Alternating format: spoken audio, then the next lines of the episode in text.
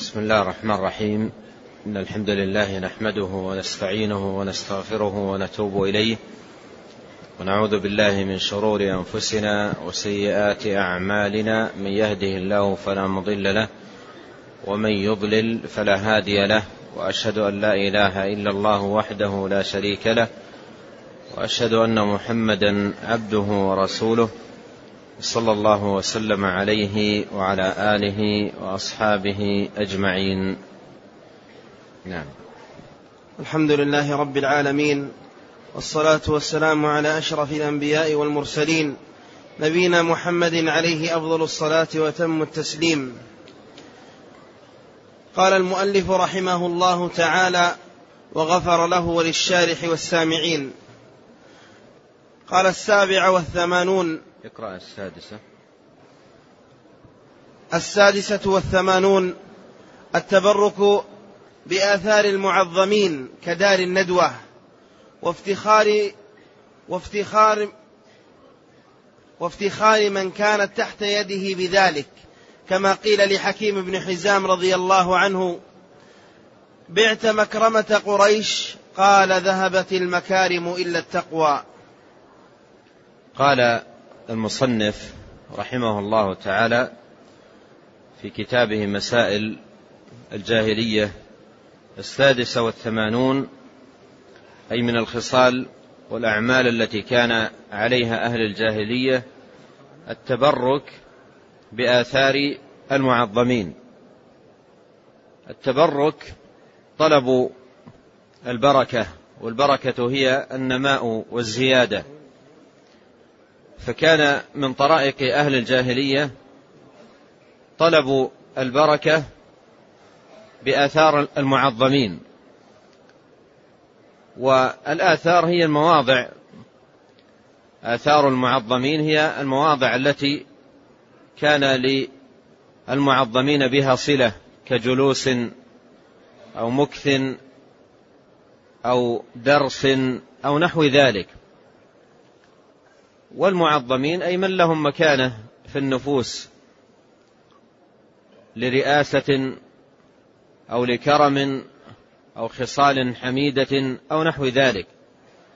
فكانوا يتبركون بآثار المعظمين أي يطلبون البركة بالمكث عندها أو التمسح بها أو وضع حاجاتهم وأمتعتهم فيها ليبارك فيها. قال التبرك بآثار المعظمين كدار الندوة.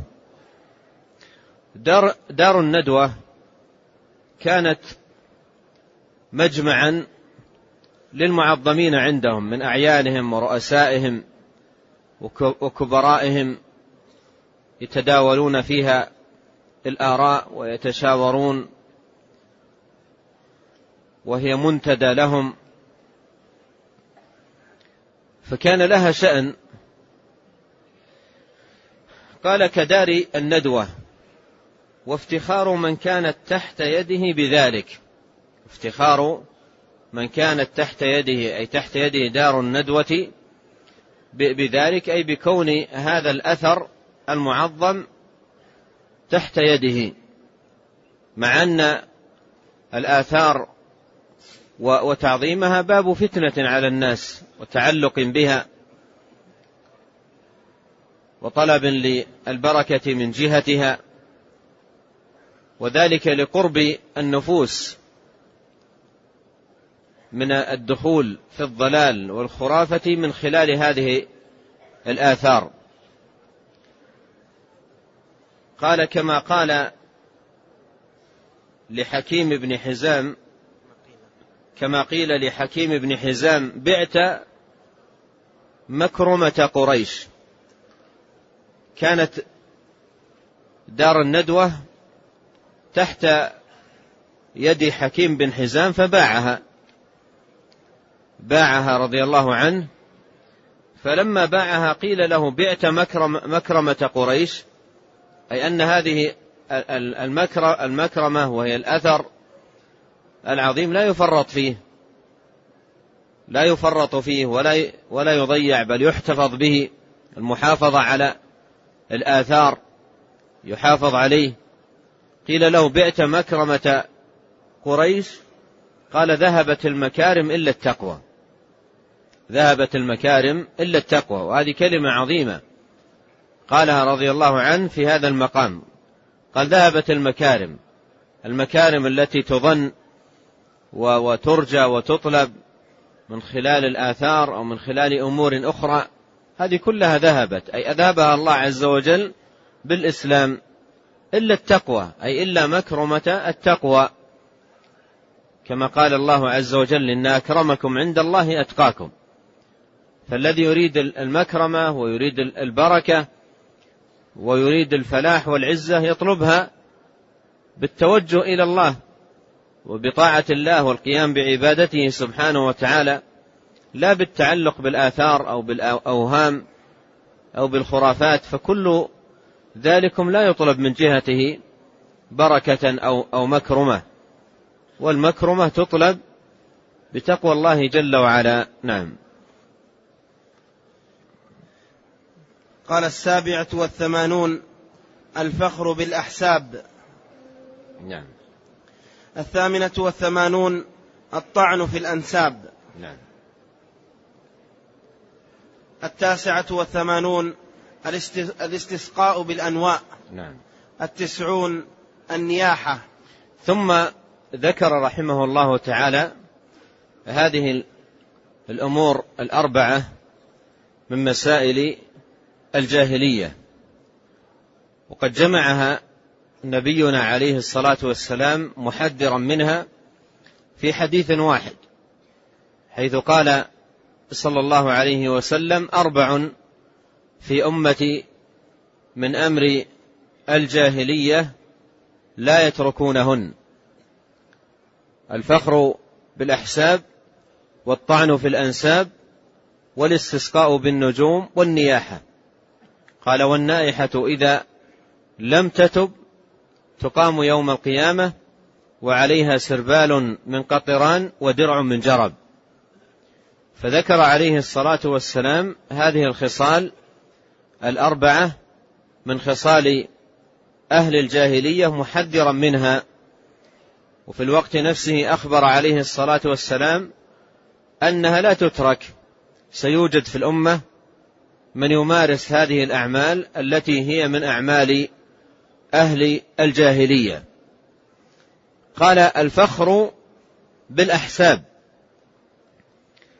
الفخر بالأحساب أي تفاخر تفاخر الإنسان بحسبه. تفاخر الإنسان بحسبه. أي أنا مثلا يقول ابن فلان الذي يملك كذا أو الذي يرأس كذا أو الذي عنده كذا ويتفاخر بأحسابه. من الأجداد والآباء والمآثر التي كانوا عليها.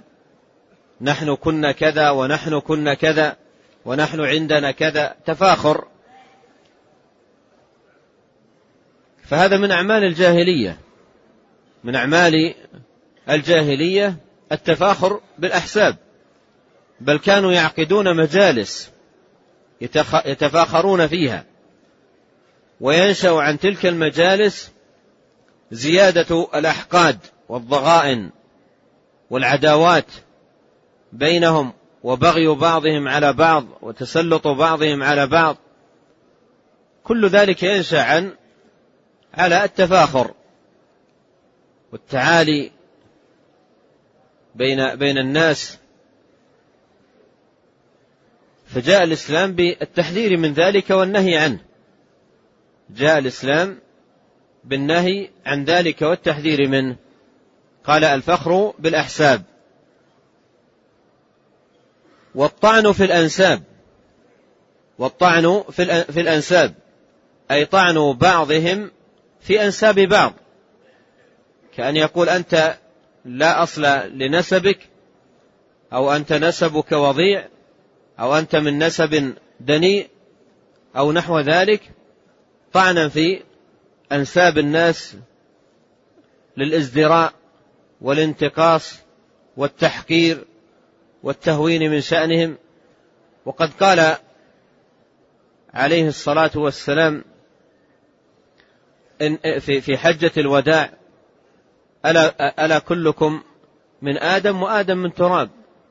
ألا لا فضل لعربي على عجمي ولا عجمي على عربي إلا بالتقوى؟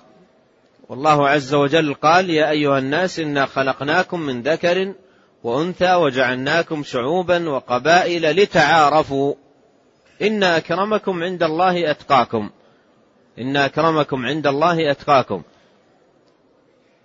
فمن أعمال الجاهلية الطعن في الأنساب. أنساب الناس من أجل الإزدراء والتحقير والانتقاص. فهذا من أعمال الجاهلية. قال والاستسقاء بالأنواع.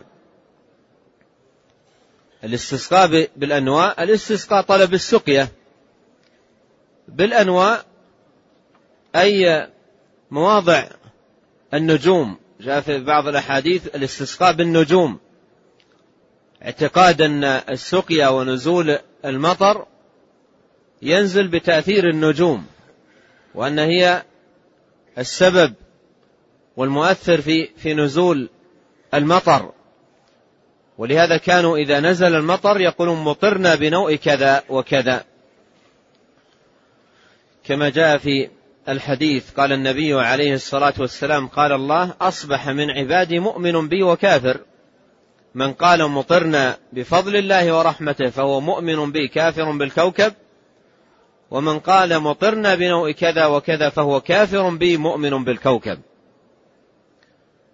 فمن أعمال الجاهلية الاستسقاء بالأنواء أي اعتقاد أو الظن أن الأنواء هي السبب في نزول المطر. إذا ظن أنها سببا في نزول المطر وأن الذي ينزل المطر هو الله ثم نسب إليها نزول المطر لظنه أن المطر سبب في في لأن لأن الأنواء سبب في نزول المطر فهذا من كفران النعمة. أما إذا اعتقد أن الأنواء أو النجوم هي التي تنزل المطر فهذا من الشرك الناقل من الملة. والأنواء ليست سببا في نزول الأمطار. سبب نزول الأمطار رحمة الله جل وعلا. رحمته بعباده وإقبال العباد عليه بالتوبة والإنابة والاستغفار. كما قال عز وجل فقلت استغفروا ربكم إنه كان غفارا يرسل السماء عليكم مدرارا. الأنواع ليست سبب. الأنواع ليست سببا في نزول الأمطار. سبب نزول الأمطار هو إقبال العباد على الله تائبين منيبين مستغفرين. كما أن الذنوب والمعاصي والآثام سبب في تأخر نزول الأمطار أو في عدم نزولها فإن التوبة والإنابة والاستغفار سبب في نزول الأمطار. ولأجل ذلك شرعت صلاة الاستسقاء. أن يجتمع الناس يصلون ويدعون الله عز وجل ويستغفرون. فلا يقال إن الأنواء سببا هي أصلا ليست سبب لنزول المطر. لم يجعلها الله سبحانه وتعالى سببا لنزول المطر. فنسبة المطر أو نزول المطر إليها مع اعتقاد أن المنزل له هو الله تبارك وتعالى هذا كفران نعمة. وإذا كان عن عقيدة في الأنواء ذاتها أو النجوم ذاتها فهذا كفر أكبر ينقل صاحبه من ملة الإسلام. قال والنياحة. النياحة البكاء بصوت وعويل وتسخط وجزع على الميت وتعداد مآثره ومحاسنه بكاء وشجبا وتسخطا. وأيضا تكون النياحة بضرب الخدود وشق الجيوب وقطع الشعر تسخطا وجزعا. وهذا كله من من أعمال الجاهلية. كان إذا مات لهم ميت أخذوا يصيحون ويسمع لهم عويل وصياح وبكاء عالي وتسخط على الأمر الذي وقع وموت ميتهم وأيضا يمزقون الثياب بقطع جيوبها ويضربون الخدود كل ذلك تسخطا ويكثر هذا الأمر في النساء لضعف المرأة وقلة الصبر فيها يكثر هذا الأمر في النساء. ولهذا قال عليه الصلاة والسلام في تتمة الحديث قال والنائحة إذا لم تتب. الأمر يشمل حتى النائح لكن خص المرأة بالذكر بقوله والنائحة لأن هذا الأمر يكثر في النساء. يكثر في النساء. ولهذا الضعف الذي في المرأة منعت المرأة من زيارة القبور. قال عليه الصلاة والسلام لعن الله زوارات القبور.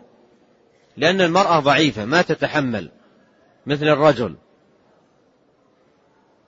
قال والنائحة إذا إذا لم تتب إذا لم تتب من النياحة التي كانت عليها وماتت غير تائبة منها تقام يوم القيامة وعليها سربال من قطران ودرع من جرب. سربال أي ثياب تغطي جسمها من القطران والقطران هو النحاس المذاب يصلي الجسم صليا ويحرقه ويغطي ثيابها. ودرع من من جرب. ودرع من جرب. القطران هو النحاس المذاب أو الزفت المذاب ودرع من جرب.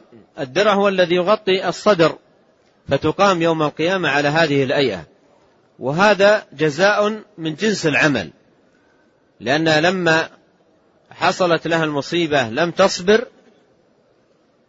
ولم ترضى بالمقضي والمقدر ومسكت جيبها ومزقته ودرعها قطعته في المصيبة. فعوقبت من جنس العمل. قطعت درعها ومزقته فتكسى يوم القيامة كساء هذه صفته. تقام يوم القيامة وعليها سربال من قطران ودرع من جرب. نعم. قال الحادية والتسعون أن أجل فضائلهم البغي فذكر الله فيه ما ذكر. أن أجل فضائلهم أي أهل الجاهلية البغي. أي أجل أمر يدعونه فضلا لهم يتفاخرون به ويمدحون أنفسهم بفعله ويعدونه في مآثرهم وعندما ينشئون القصائد والأشعار يعدونه في مقدمة مفاخرهم ومآثرهم البغي. البغي. أي عدوان بعضهم على بعض. عدوانا على الدماء وعدوانا على الأموال وعدوانا على الأعراض. فهذا البغي يعدونه مفخرة. وإذا أراد بعضهم أن يتفاخر وأن يعدد مآثره أو يعدد مآثر قبيلته أول ما يفتخر به البغي. يقول نحن الذين قتلنا من قبيلة كذا عدد كذا مثلا. ونحن أخذنا من نوقهم وإبلهم كذا وكذا. فيعدون بغيهم وعدوانهم على على الأعراض والأموال. والدماء مفخرة. ولهذا قال رحمه الله أن أجل فضائلهم البغي. أن أجل فضائلهم البغي. وهذا يظهر عند التفاخر. عندما تتفاخر القبائل وتعدد المآثر التي هم عليها أبرز مفخرة عندهم البغي. قال فذكر الله فيه ما ذكر. ذكر الله فيه أي في البغي ما ذكر أي من التحذير. وبيان حرمته وأنه لا يحل ولا يجوز. قل إنما حرم ربي الفواحش ما ظهر منها وما بطن والإثم والبغي بغير الحق وأن تشركوا بالله ما لم ينزل به سلطانا. وأن تقولوا على الله ما لا تعلمون. إن الله يأمر بالعدل والإحسان وإيتاء ذي القربى وينهى عن الفحشاء والمنكر والبغي. فهذه أمور حذر الإسلام منها ونهى عنها. أن يبغي أحد على أحد. لا يبغي عليه لا في مال ولا في عرض ولا في نفس. البغي حرام. ولهذا في حجة الوداع قال عليه الصلاة والسلام إن دماءكم وأموالكم وأعراضكم عليكم حرام كحرمة يومكم هذا في بلدكم هذا في شهركم هذا. وأيضا في حجة الوداع قال عليه الصلاة والسلام ألا إنما هن أربع. يعني أمور خطيرة احذروها. وتجنبوها. ألا إن ما هن ألا إنهن أربع. لا تشركوا بالله شيئا ولا تقتلوا النفس التي حرم الله إلا بالحق ولا تزنوا ولا تسرقوا. قوله عليه الصلاة والسلام في هذا الحديث لا تقتلوا النفس ولا تزنوا ولا تسرقوا. هذه أنواع البغي.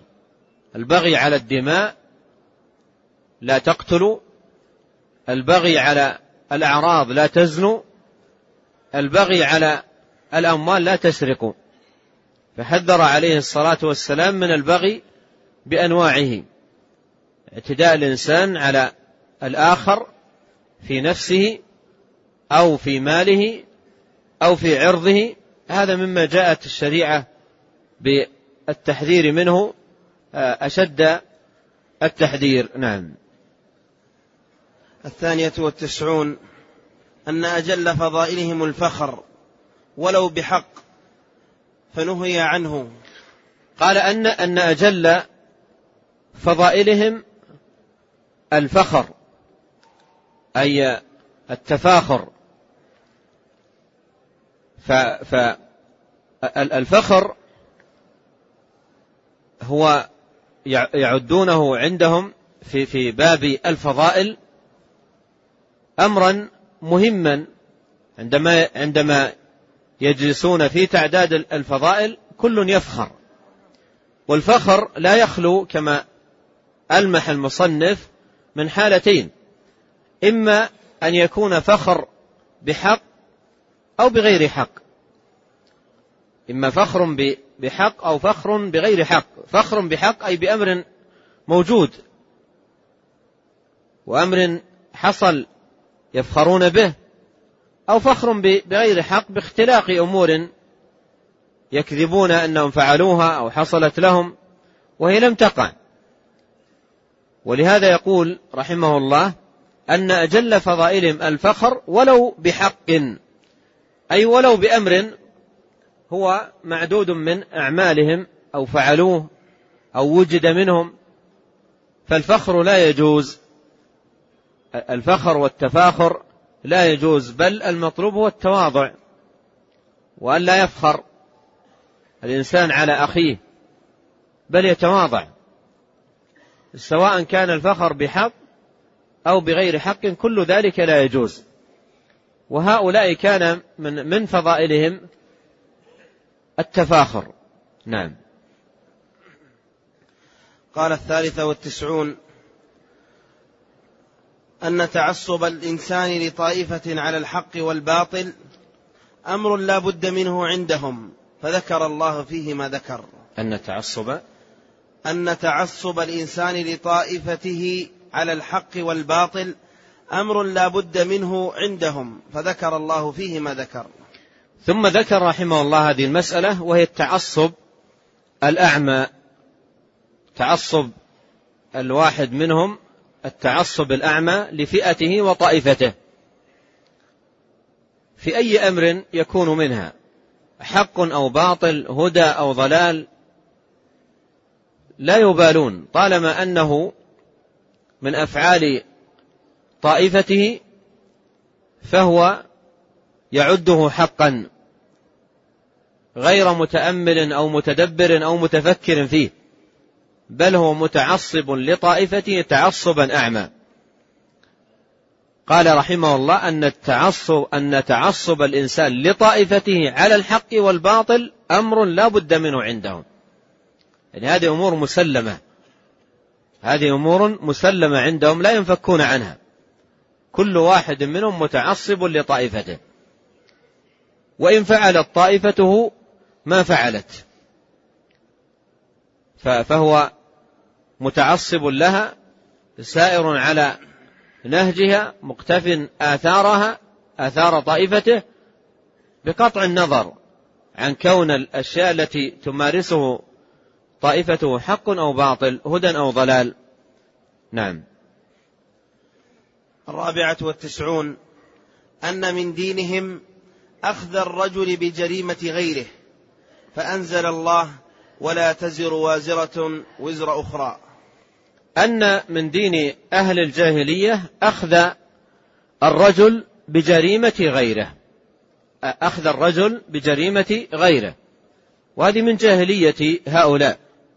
فمثلا لو أن رجلا من قبيلة اعتدى على رجل آخر من قبيلة أخرى فقتله. فقتله. من جاهلية هؤلاء أنهم لا يأخذون القاتل نفسه والمعتدي نفسه بجريمته فيعاقب بمثل ما عاقب به بل لا لا يقنعون بالقاتل نفسه.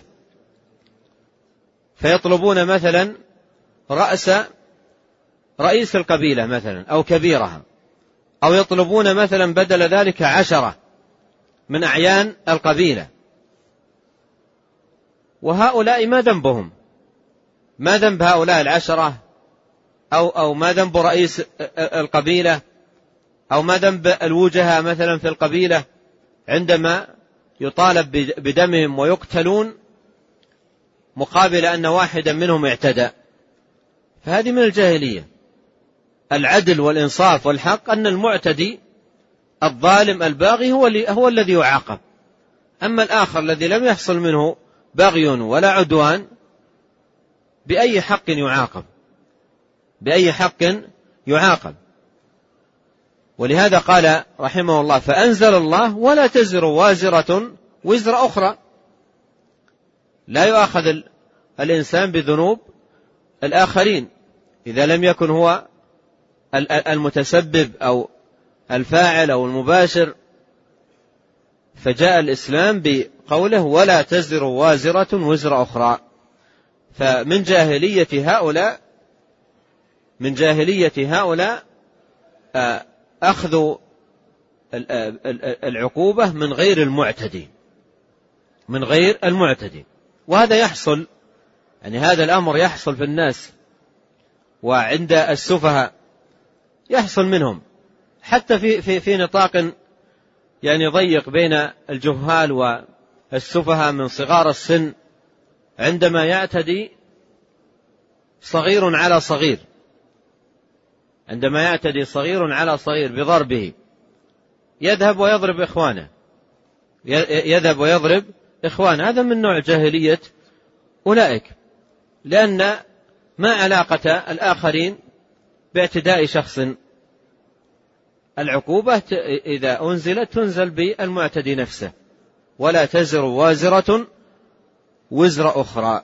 نعم. الخامسة والتسعون تعيير الرجل بما في غيره فقال أعيرته بأمه إنك امرئ فيك جاهلية. قال تعيير الرجل بما في غيره. تعيير الرجل بما في غيره. التعيير هو الانتقاص للإنسان وذكر العيب ذكر العيب فيه. هذا يسمى تعيير. والله سبحانه وتعالى قال يا أيها الذين آمنوا لا يسخر قوم من قوم عسى أن يكونوا خيرا منهم ولا نساء من نساء عسى أن يكن خيرا منهن ولا تلمزوا أنفسكم ولا تنابزوا بالألقاب بئس الاسم الفسوق بعد الإيمان. ومن لم يتب فأولئك هم الظالمون. فكان من جاهلية هؤلاء في باب التعيير أن يعيروا الشخص بما في غيره. لا ليس فقط يعيرونه بما فيه من من الصفات بل يعيرونه بما في غيره. وضرب رحمه الله مثالا على ذلك. قال أعيرته بأمه عندما قال أحد الصحابة لآخر يا ابن السوداء. عندما قال يا ابن السوداء. غضب النبي صلى الله عليه وسلم وقال أعيرته بأمه؟ أعيرته بأمه؟ إنك امرؤ فيك جاهلية. إنك امرؤ فيك جاهلية. لأن هذه من خصال الجاهلية. تعيير الإنسان بما في غيره. هذا من من خصال الجاهلية التي جاء الإسلام بالتحذير منها والنهي عنها. لا يعير الإنسان والتعيير سخرية وتهكم بالآخرين يمنع منه.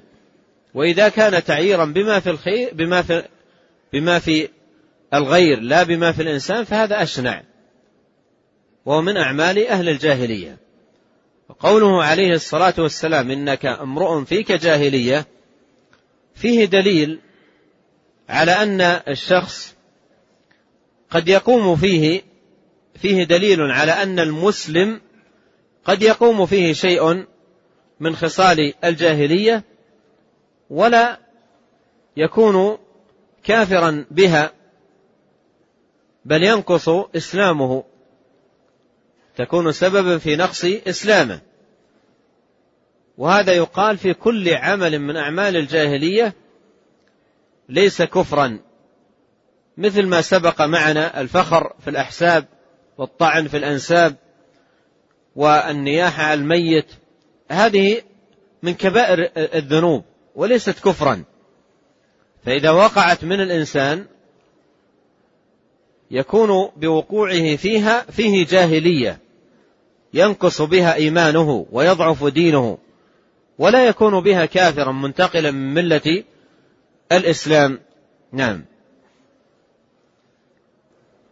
قال السادسة والتسعون الافتخار بولاية البيت. فذمهم الله بقوله مستكبرين به سامرا تهجرون. قال السادسة والتسعون الافتخار بولاية البيت أي تولي أمر بيت الله الحرام من عناية بالبيت ونظافته وصيانته ونحو ذلك من الأعمال. أجعلتم سقاية الحاج وعمارة المسجد الحرام كمن آمن بالله. فيفتخرون بذلك بولاية البيت فذمهم الله بقوله مستكبرين به سامرا تهجرون. لماذا؟ لأنهم جعلوا ولاية البيت هي عملهم الصالح وتركوا طاعة الله ولزوم أمره والقيام بعبادته تبارك وتعالى وتحقيق الإيمان به. وأخذوا يتفاخرون بهذا الأمر ويستكبرون وهم معرضين عن طاعة الله تبارك وتعالى. ولهذا يقول المصنف فذمهم الله بقوله مستكبرين به سامرا تهجرون. قد كانت آياتي تتلى عليكم فكنتم على أعقابكم تنكصون مستكبرين به سامرا تهجرون أفلم يدبروا القول؟ أفلم يدبروا القول؟ فلاحظ هنا السياق. آه، استكبار وافتخار بولاية البيت وإعراض عن كتاب الله عز وجل وطاعة الله وامتثال أمره تبارك وتعالى التي فيها سعادتهم. قد كانت آياتي تتلى عليكم فكنتم على أعقابكم تنكصون مستكبرين به سامرا تهجرون.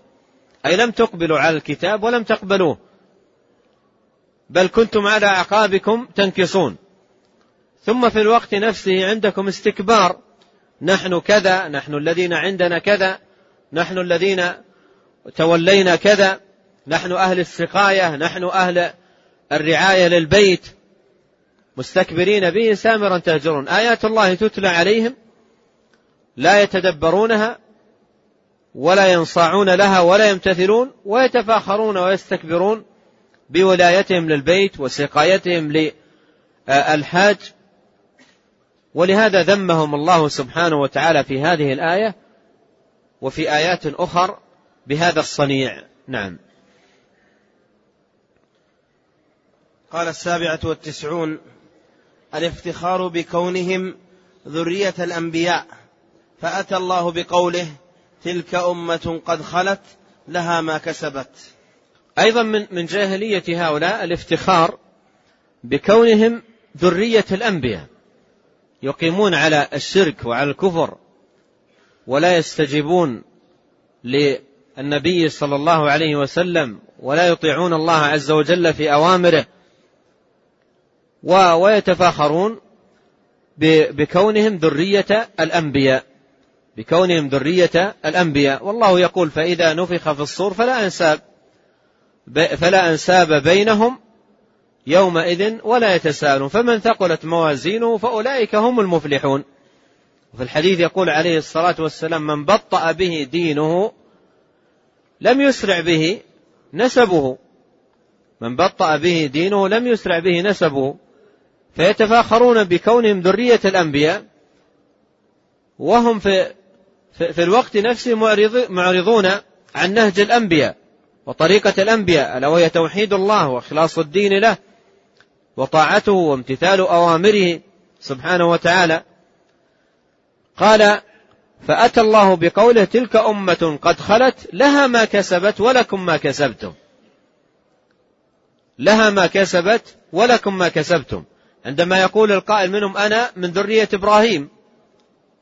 هل هل قوله أنا من ذرية إبراهيم أن يكون له من صحائف أعمال إبراهيم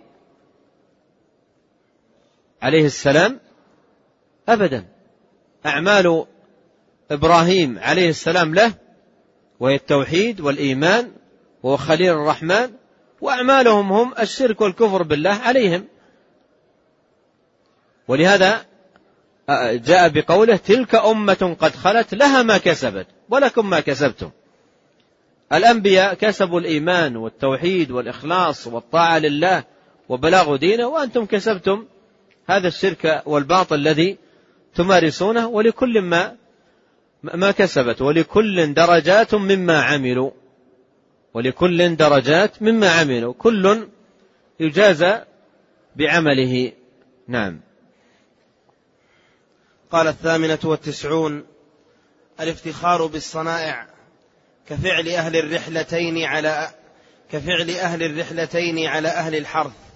الافتخار بالصنائع الصنائع التي تيسرت لهم فمن تميز بصناعة ما فإنه يفخر على من دونه يفخر على من دونه ويتعالى عليه.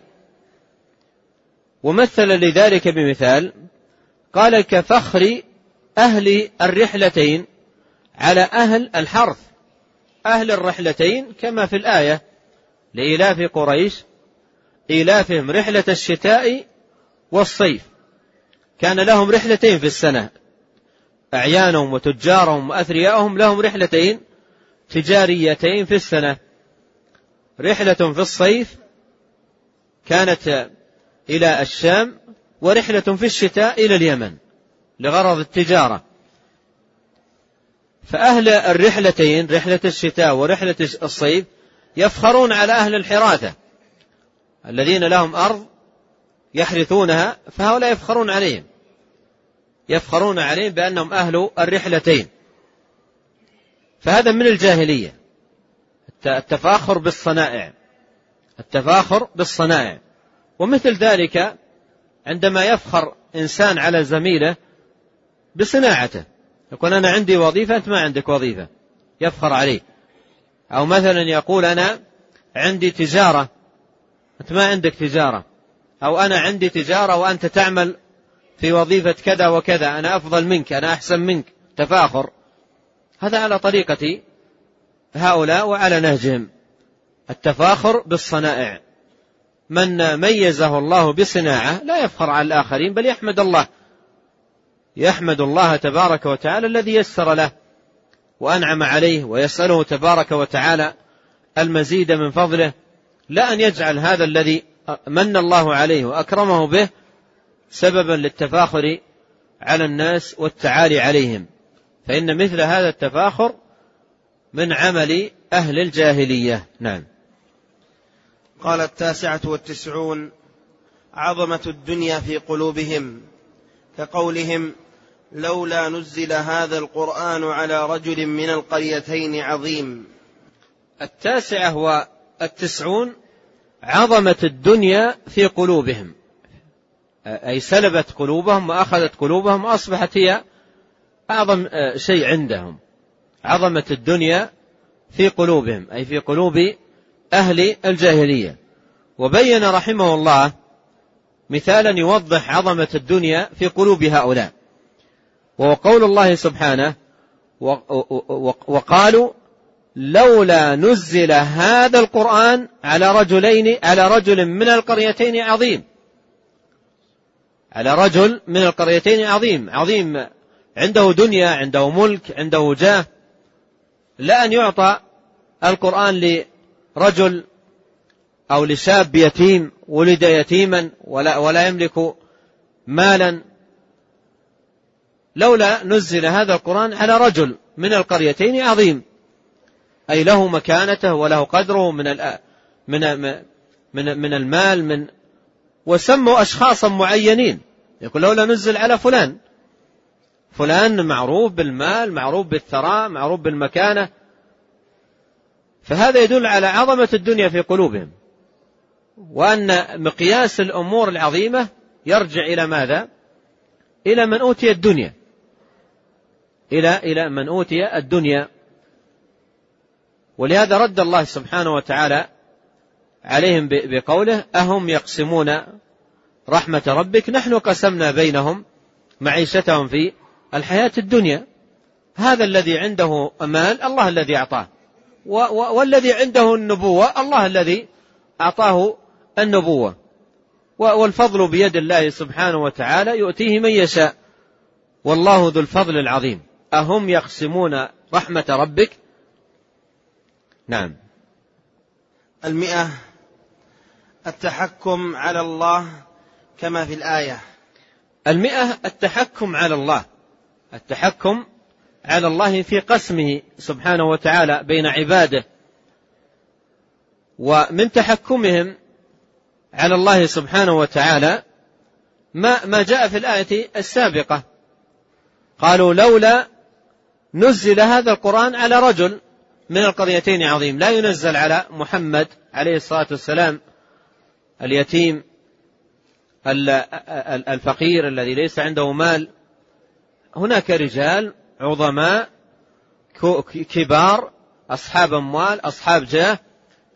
لو نزل عليهم القرآن فهذا تحكم على الله عز وجل. رحمة الله عز وجل وفضله سبحانه يمن به على من يشاء. مثل ما قال تبارك وتعالى في آخر سورة الحديد قال وأن الفضل بيد الله يؤتيه من يشاء. والله ذو الفضل العظيم. الفضل فضله والمن منه سبحانه وتعالى. يؤتيه من يشاء.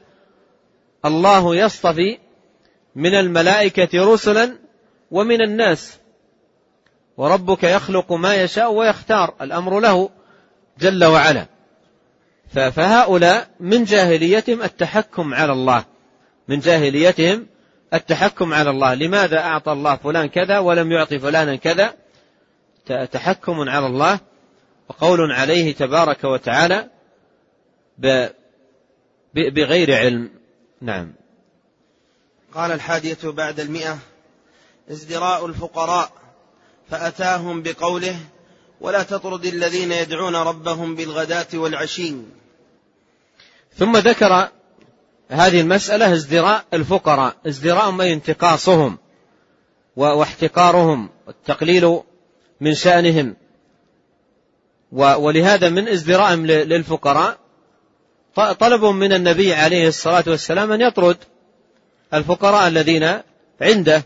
وقالوا إن كبراءنا وعظماءنا لا يليق بهم أن ينضموا إلى هؤلاء الفقراء ويكونون هم وإياهم شيئا واحدا.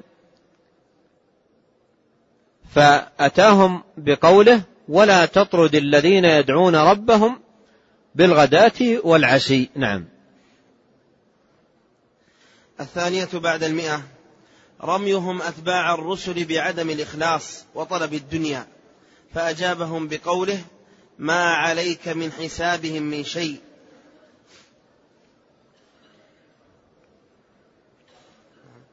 هكذا.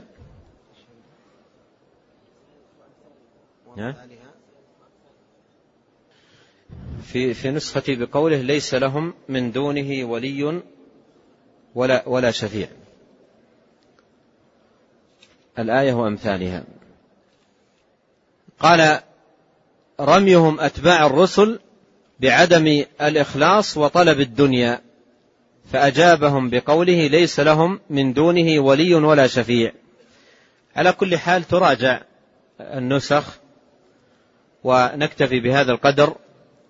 والله تعالى أعلم وصلى الله وسلم على عبد الله ورسوله نبينا محمد وآله وصحبه أجمعين. أحسن الله إليكم وبارك فيكم ونفعنا الله بما قلتم وغفر الله لنا ولكم والمسلمين أجمعين. هذا يقول قول المصنف رحمه الله فأنزل الله ولا تزر وازرة وزر أخرى هل يفهم منه أن صنيعهم هذا كان سببا لنزول الآية؟ لا يلزم. لا يلزم من ذلك. لكن آه، هذه الآية فيها تبيان لهذا الأمر. ويقال أنزل الله كذا في فيما كان سببا في النزول وفيما كانت الآية تبيانا له وتوضيحا. نعم.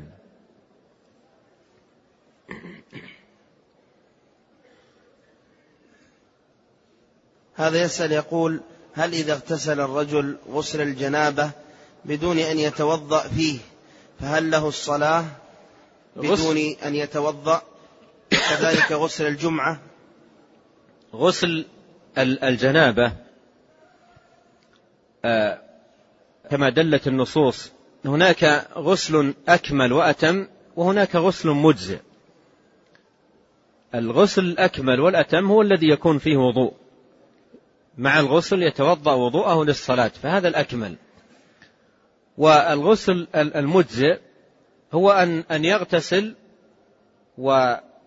ويتمضمض ويستنشق فيكون ذلك مجزئا. تطهر به من الحدثين الأكبر والأصغر ولو لم يتوضأ إذا تمضمض واستنشق.